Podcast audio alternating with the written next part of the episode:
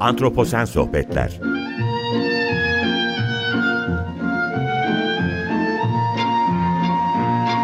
Hazırlayan ve sunan Utku Perktaş Merhabalar, iyi akşamlar herkese. Antroposen Sohbetleri hoş geldiniz. Ben Utku Perktaş. Dünyanın refahına ilişkin Yeryüzü Komisyonu tarafından hazırlanan bir rapor var. 31 Mayıs 2023 tarihinde Nature'da yayınlanan kapsamlı bir analizi içeriyor. Ve bu analize göre insan faaliyeti yaşadığımız gezegenin güvenliğini tehdit ederek dünyayı tehlikeli bir bölgeye yaklaştırıyor. Çok yakın yayınlandığı için bugün de konuşacağımız konu biraz sağlıkla da alakalı olduğu için bundan bahsetmek istedim çok kısacık. Durum iklim bozulmasının ötesine geçen bir resim gösteriyor bize geniş kapsamlı bir komisyon tarafından hazırlanan rapor, gezegenimizin artan tatlı su sarfiyatı, besin gereksinimi, ekosistem sağlığı ve hava kirliliğine neden olan partiküllerin yol açtığı kirlilik krizleriyle karşı karşıya olduğumuzu ve e, rahatsız edici bir boyuta doğru bunun gittiğini kanıtlar sunarak gösteriyor. Bunlar yaşam destek sistemlerinin istikrarını tehdit eder nitelikte olduğu için de elbet, elbette sosyal eşitliği de bozan bir duruma e, işaret ediyormuş. Çok yakın yayınlandığı için söyledim. Nature'ın e, kendi sitesinden raporun bilimsel makalesine detaylı bir şekilde ulaşılabilir. Peki bu noktada sağlıkla ilgili denklemlerin içine biyoçeşitliliği ve iklimi dahil etmek gezegendeki sağlıklı yaşamı sürdürülebilir yapar mı? Bugünkü aslında programın e, başlığını, konusunu bu soru altında doldurmaya çalışacağız. Evet bu sorunun altını Hacettepe Üniversitesi İç Hastalıkları Anabilim Dalı öğretim üyesi ve aynı zamanda Yuvam Dünya Bilim Kurulu üyesi Profesör Doktor Mine Durusu Tanrıöver, Tanrıöver ile konuşmaya çalışacağım. Ee, Mine merhaba, çok teşekkür ederim. Davetimi kabul ettin, vakit ayırdın, geldin. Nasılsın? Merhaba Utku, ben çok teşekkür ederim. Ee, iyiyim. Ee, çok da heyecanlıyım çünkü seninle kaç zamandır bunu aslında planlıyorduk ama e, şimdi zamanı geldi ve e, biyoçeşitlik ve iklimi sağlıkla beraber konuşuyor olmanın da çok önemli olduğunu düşünüyorum. Senin girizgahında zaten ne kadar çok bu konularda konuşmamız gerektiğini gayet güzel bir vurgu yaparak e, olaya bir giriş yaptı. Sen nasılsın? İyiyim ben de çok teşekkür ederim. Eksik olma. Ne zamandır planlamaya çalışıyorduk bu e, söyleşiyi e, bugüne kısmet oldu ve güzel de bir söyleşi olacağına inanıyorum. Ben tam da e, bu raporun yayınlanmasını bekliyormuşuz. Ben internette bunu denk gelince e, evet. çok üst üste geldi yani. O zaman yavaş yavaş sorularıma geçsem olur herhalde. Lütfen. Tamamdır. E, şimdi iki önemli krizi deneyimlediğimiz bir dönemdeyiz. Bunlardan biri biyoçeşitlilik, bir diğeri de iklim. Acaba biyoçeşitliliği ve iklim değişimini sağlıkla ilgili denklemlerin içine nasıl sokabiliriz? Ve bir de şu var, bunu yapmalı mıyız? Söz sende. Evet, şimdi e, kolay cevaptan başlayayım. Evet, kesinlikle yapmalıyız. e, belki de şu ana kadar bunu çok yapmadığımız için zaten bu kadar geriden geliyoruz. Yani bizim çok uzun zamandır aslında sağlık temelinde biyoçeşitlik ve iklimi konuşuyor olmamız gerekiyordu ama sanki biyoçeşitlik ve iklim orada şeyde dünyanın dışında başka bir yerlerde bizim sağlığımız burada yeryüzünde başka bir yerde gibi davrandık yıllarca. Bu nedenle de aslında çok vakit kaybettiğimizi düşünüyorum.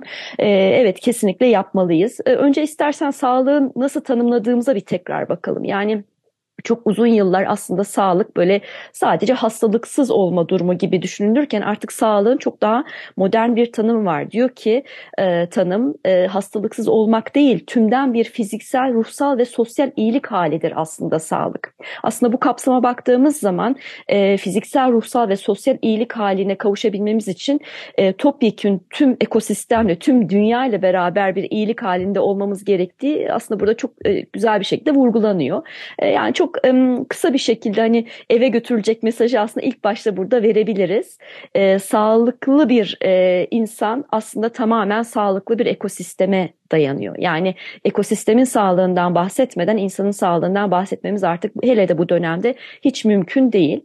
E, biz daha çok iklim e, değişikliği ve artık tabii bunu yönetmekteki zorluktan dolayı iklim krizi olarak adlandırıyoruz. İklim krizinin sağlık üzerindeki etkilerini e, aslında bir süredir konuşmaya başladık. Çok da ilgi çektiğini düşünüyorum. E, ve hali hazırda da aslında görüyoruz. Diyoruz ki iklim krizi aslında bir sağlık krizidir ve acil bir halk sağlığı sorunudur. Yuvam Dünya Derneği ile de beraber biliyorsun iklim kliniği projesi tam olarak bu temelde kurgulanmış bir proje ve Gerçekten biz artık iklim değişikliği kavramını birazcık daha kendi hayatlarımıza e, indirgeyerek e, çok daha basit ve yalın bir dille insanlara e, bu şekilde anlatmak istiyoruz ve diyoruz ki iklim krizi şu anda sizin sağlığınızı tehdit ediyor ve bundan sonraki nesillerde bundan çok daha fazla etkilenecek.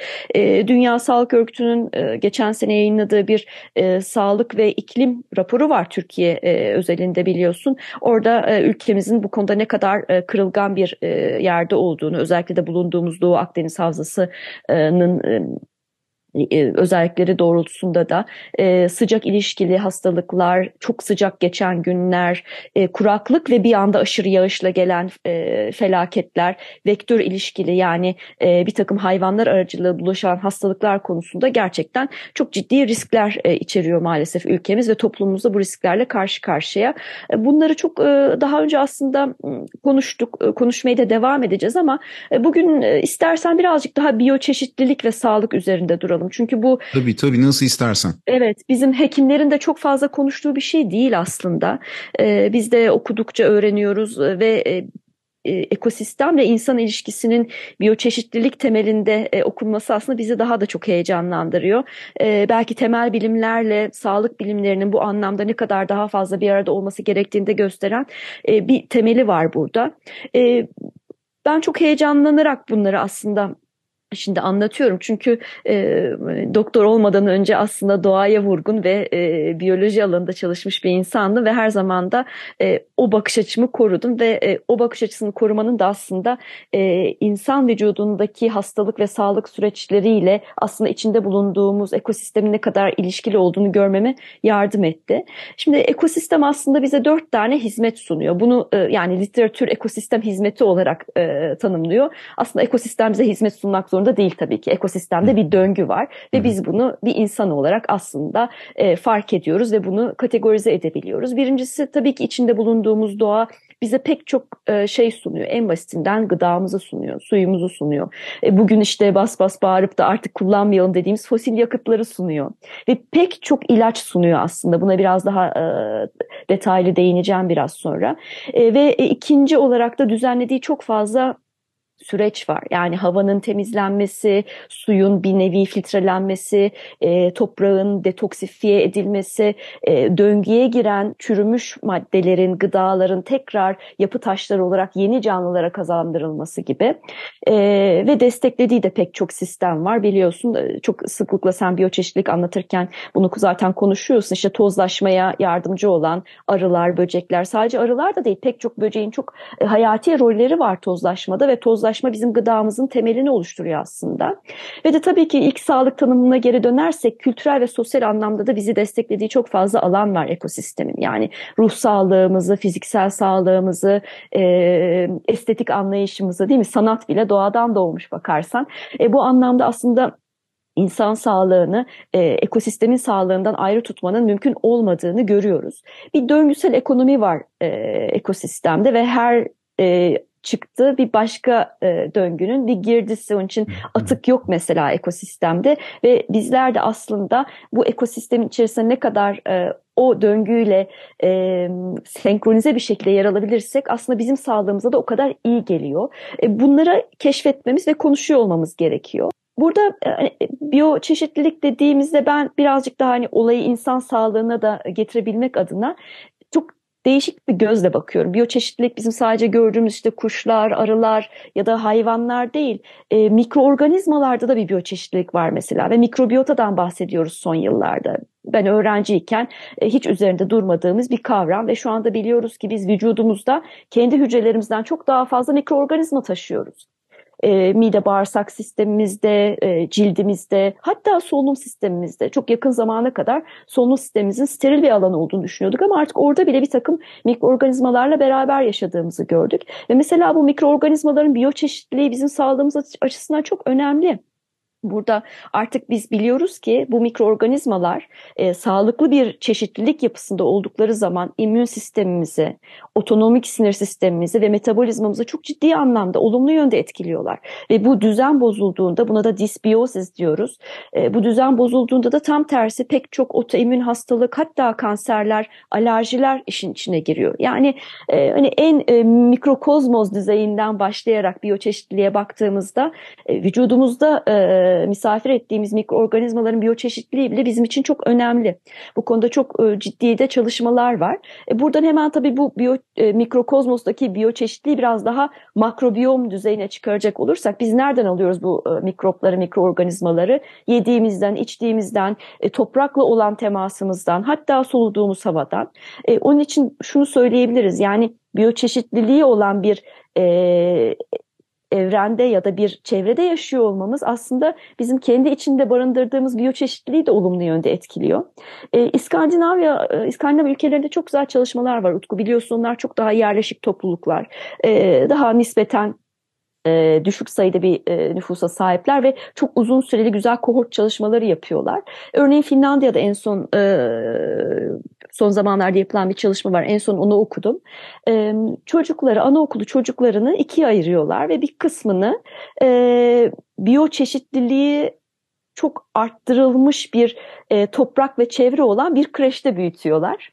Bir kısmını da çok daha standart bir kreş ortamında büyütüyorlar ve iki sene izliyorlar ve e, biyoçeşitlilikle daha fazla temas eden, e, bu anlamda toprakla daha fazla temas eden çocukların sonrasında daha az alerji geliştirdiği, e, daha az atopik e, hastalıklar geliştirdiklerini, daha az astım geliştirdiklerini görüyorlar. Yani aslında birebir bak şimdi biyoçeşitliliği kendi hayatımıza e, hemen burada bir tercüme e, ettik ve gördük ki bir çocuk özellikle de tabii ki büyüme çağındaki çocuklar çocuklar bu temasa ne kadar erken başlarlarsa immün sistemleri de ona göre çok daha iyi şekilleniyor. Biz ne kadar erken yaşta ne kadar fazla bir biyoçeşitliliğe maruz kalırsak aslında e, sağlığımızda o oranda e, artıyor ve hem e, alerjik hastalıklardan hem de belki sonrasında ileri yaşta geliştireceğimiz kanser gibi hastalıklardan daha korunur hale geliyoruz. Yani bu bence muhteşem bir şey. Evet, ee, evet, çocuklukta evet. E, böyle bir maruziyetin bu kadar olumlu etkilerinin olması. Şimdi biyoçeşitlikten gidince o zaman şunu merak ediyorum. Şimdi sen de çok güzel açıkladın bu, buraya kadar. Şimdi küresel sağlık politikalarında son yıllarda bu anlamda değişiklikler oluyor mu? Yani bu soruyu da şunu bağlamak, şuna bağlamak için sor, soruyorum esasında. Şimdi bir Covid-19 yaşadık ve bir süre hep e, evdeydik. Bunu herkes çok e, e etkin bir şekilde hissetti bunun etkilerini. Covid-19 sonrası biyoçeşitlik ve iklimle ilgili hekimlerin ve sağlıkla ilgilenen kişilerin algılarında bir değişiklik oldu mu peki? Yani sen de böyle biyoçeşitliliği çok güzel açıkladın.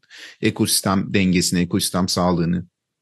E, ya oldu tabii ki çünkü e, her ne kadar böyle bir takım işte e, teoriler olsa da bu virüs laboratuvardan mı kaçtı diye hmm. bu e, ispatlanamadı ve şu andaki bilimsel bilgilerimizle biz e, Covid-19'a yol açan SARS-CoV-2'nin e, işte Wuhan bölgesindeki sanırım 17 adet canlı hayvan pazarından birinden evet, evet, evet. bir e, hayvan temasıyla geldiğini düşünüyoruz. E, tabii bu aslında bizim için son uyarı e, çanıydı bence. Yani e, Covid-19'la beraber biz aslında e, hayvan habitatlarına girmenin, e, hayvanlarla aslında kurmamamız gereken bir takım temasların insan hayatına nasıl bir etkisi olabileceğini çok daha net gördük ve tabii ki sağlık camiasının bu konudaki farkındalığı ve belki de merakı artmaya başladı. E, tek sağlık kavramını çok uzun zamandır aslında konuşuyoruz ve e, çevre, hayvan ve insan sağlığının birbirinden bağımsız olmadığını ve hepsinin birbirini etkileyebileceğini çok iyi biliyoruz. E, bu aslında COVID-19 bizim için ilk uyarı da değildi. Yani en e, yakın tarihimize baktığımızda HIV, AIDS, e, Ebola bunların hepsi aslında bizim e, hayvanlarla olan e, olmaması gereken temaslarımız, onların habitatlarına girmek, biyoçeşitliliği bozarak onların belki kendilerine başka e, yollar çizmesi, gıda, onların gıda arama davranışlarını değiştirmemiz gibi pek çok şeyle ilişkili olarak da e, karşımıza gelmişti. E, burada tabii e, şöyle farkındalığımızı arttırdı ve değiştirdi. Bir defa artık şu su götürmez bir gerçek ki e, biz e, ekosistemde ne kadar büyük tahribatlar yaratırsak e, bunun karşılığını fazlasıyla alacağız hastalık olarak. Çünkü şunu biliyoruz biz e, henüz pek çok hayvan habitatına girmedik. E, umarım girmeden de kalırız. İşte ormansızlaştırma, yeni tarım arazileri açma nedeniyle girdiğimiz habitatlarda çünkü ciddi bir eko e, kıyıma, eko kırıma, eko yıkıma artık nasıl adlandırırsan yol açıyoruz. Ve e, o anlamda da tabii ki bu hayvanlar kendilerine yeni habitatlar arıyorlar. E, göç yolları değişiyor.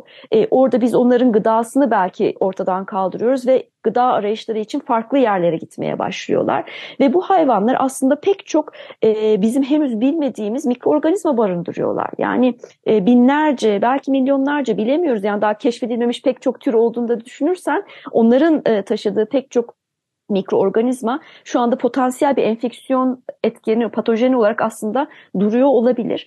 Ve e, şunu da e, çok iyi biliyoruz ki bu mikroorganizmalar o hayvanları hasta etmiyor. Yani endozoonetik dediğimiz kendi içinde habitatta dönüp duruyor ve insana e, bulaşma şansı da bu nedenle olasılığı da yakalayamıyor. Ya bunun böyle kalması gerektiğini çok iyi biliyoruz ve e, bunun da farkına vararak aslında e, bu hayvanların özellikle göç yolları, e, ve insanlarla olan temaslarını izleyebileceğimiz ciddi sürveyans sistemlerimiz var.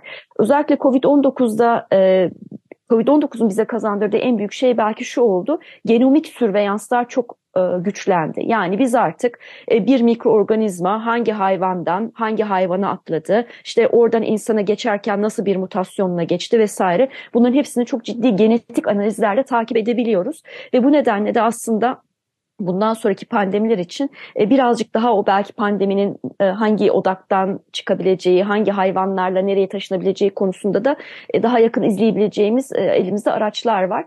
Ama tabii ki bu yeterli değil. Çünkü yani şunu biliyoruz şu anda dünya üçlü bir gezegensel kriz yaşıyor işte. İklim değişikliği, biyoçeşitlilik kaybı bir de korkunç bir kirlilik ve atık krizi var tabii ki. E, biz e, yani bu üç krizi bir arada ele almalıyız. Neden? Çünkü bunların birbiri üzerinde sinerjistik etkileri var. Ne demek sinerjistik etki? 1 artı 1 eşittir 3, 4, 5 demek. Yani biyoçeşitlilik kaybı beraberinde iklim krizinin etkileriyle birleşince bunun insan sağlığına olan etkisi tabii ki misliyle fazla oluyor. E, buna mesela gıdadan örnek verebiliriz. Yani çünkü biyoçeşitlilik kaybı dediğimiz zaman beslenmeyi, gıda güvenliğini muhakkak e, konuşuyor olmamız gerekiyor. Sadece enfeksiyon hastalıklarına daralıp kalmak çok yanlış olur. E, gıda güvensizliği çok ciddi bir risk ve özellikle dezavantajlı olan topluluklar bunlardan giderek daha da fazla etkilenecek. Biyoçeşitlilik kaybı dolayısıyla da Düşünsene şimdi e, bir e, topluluk düşün e, ve kaynakları sınırlı ve e, işte beslendikleri belirli e, gıdalar var. İşte e, deniz kenarında yaşayan bir topluluk e, işte deniz ürünleriyle besleniyor. Orada e, belki sınırlı bir e, yerde tarım yapabiliyor ve bir anda mesela sen aşırı e, balık avlamacılığı, trolleme vesaire beraber e, denizlerin, okyanusların dengesini bozuyorsun ve denizlerdeki biyoçeşitlilik alt üst oluyor ve onların belki e, beslendikleri deniz canlıları bir anda oradan yok oluyor ya da bunun üzerine bir de iklim değişikliğini bindir. Denizler ısınıyor, asitleniyor ve mesela o balıklar daha serin denizlere doğru, kutuplara doğru gitmeye başlıyor. Yani bu insanların gıda güvensizliğini ve kıtlıkla e, sınanmasını o zaman düşün. Yani biyoçeşitlilik kaybı üzerine bir de iklim değişikliğinin etkileri binince misliyle etki yapıyor aslında insan sağlığı üzerine. Anladım, anladım. Şimdi burada tabii en son e, zannediyorum COP26'daydı.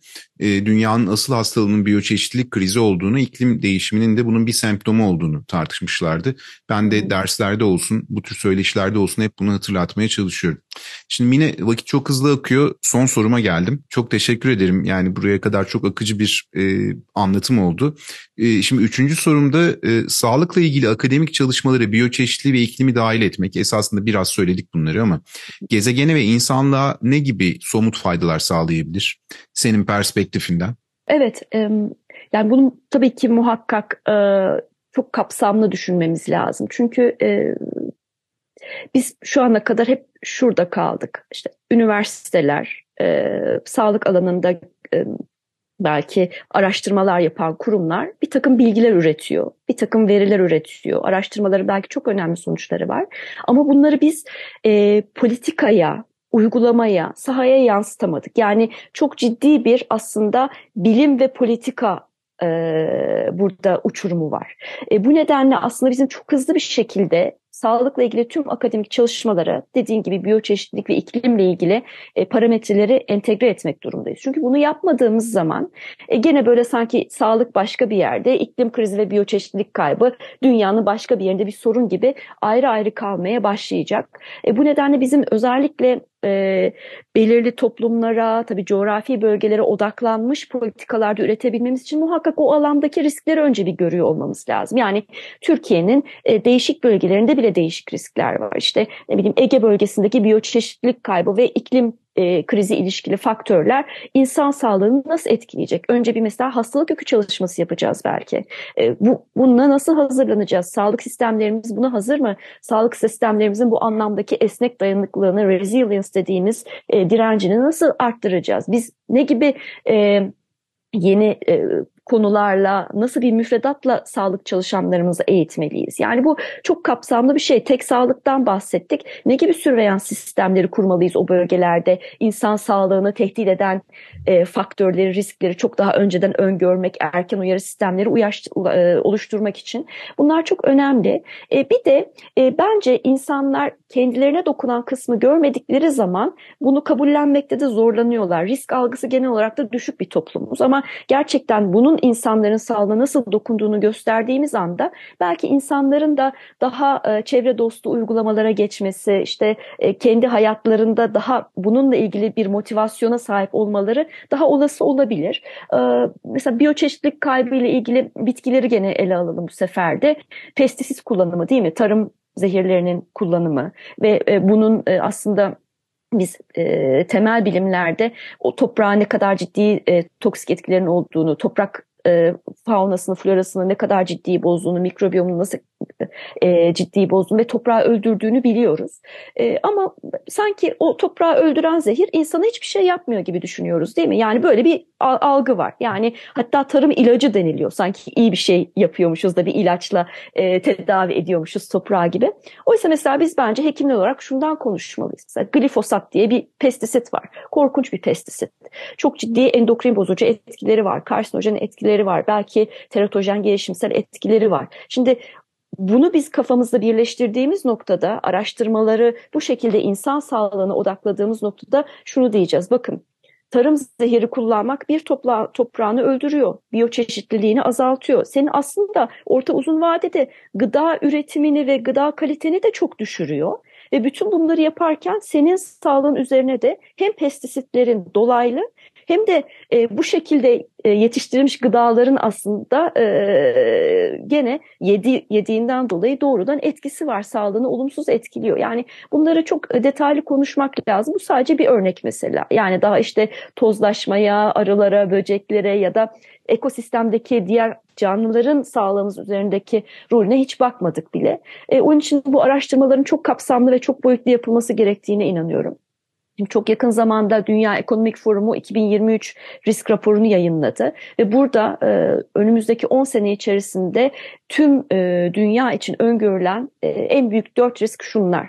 İklim değişikliğine uyum çalışmalarında başarısızlık, iklim değişikliğine e, de, yol açan faktörleri azaltmada başarısızlık, doğal afetler ve biyoçeşitlilik kaybı. Yani bu dört tehdit şu anda en büyük dört küresel tehdit olarak üzerimizde duruyor. Şimdi bunlar karşımızdayken bizim araştırmalarımızı muhakkak bu tarafa yönlendirmemiz lazım. Bunların içinde olmadığı bir sağlık araştırması ekosisteminin herhangi bir politika üretmesi ya da bizim e, sorunlarımıza bir çare bulması söz konusu olmayabilir.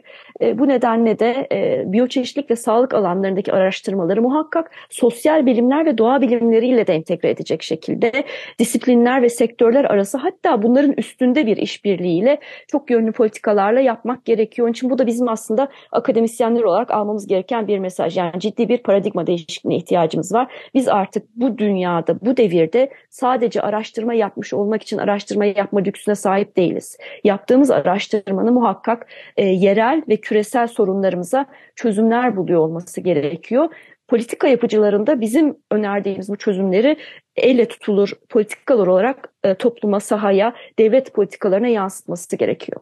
Çok teşekkürler Mine. Topluma ulaşmamız lazım. Kesinlikle ben de katılıyorum bu dönemde. Peki e, bugün yani e, sağlık sistemi içine biyoçeşitliliği ve iklimi nasıl implante ederiz? Bunu konuşmaya çalıştık. Programın sonuna geldik. Ben sana tekrardan çok teşekkür ediyorum. E, katkı verdiğin için çok güzel bir sohbet oldu. Hızlı aktı program. Eksik olma. E, ben herkese iyi akşamlar diliyorum. Programı burada kapatıyorum. Önümüzdeki haftalarda Antroposen Sohbetler'de buluşmak üzere. Hoşçakalın.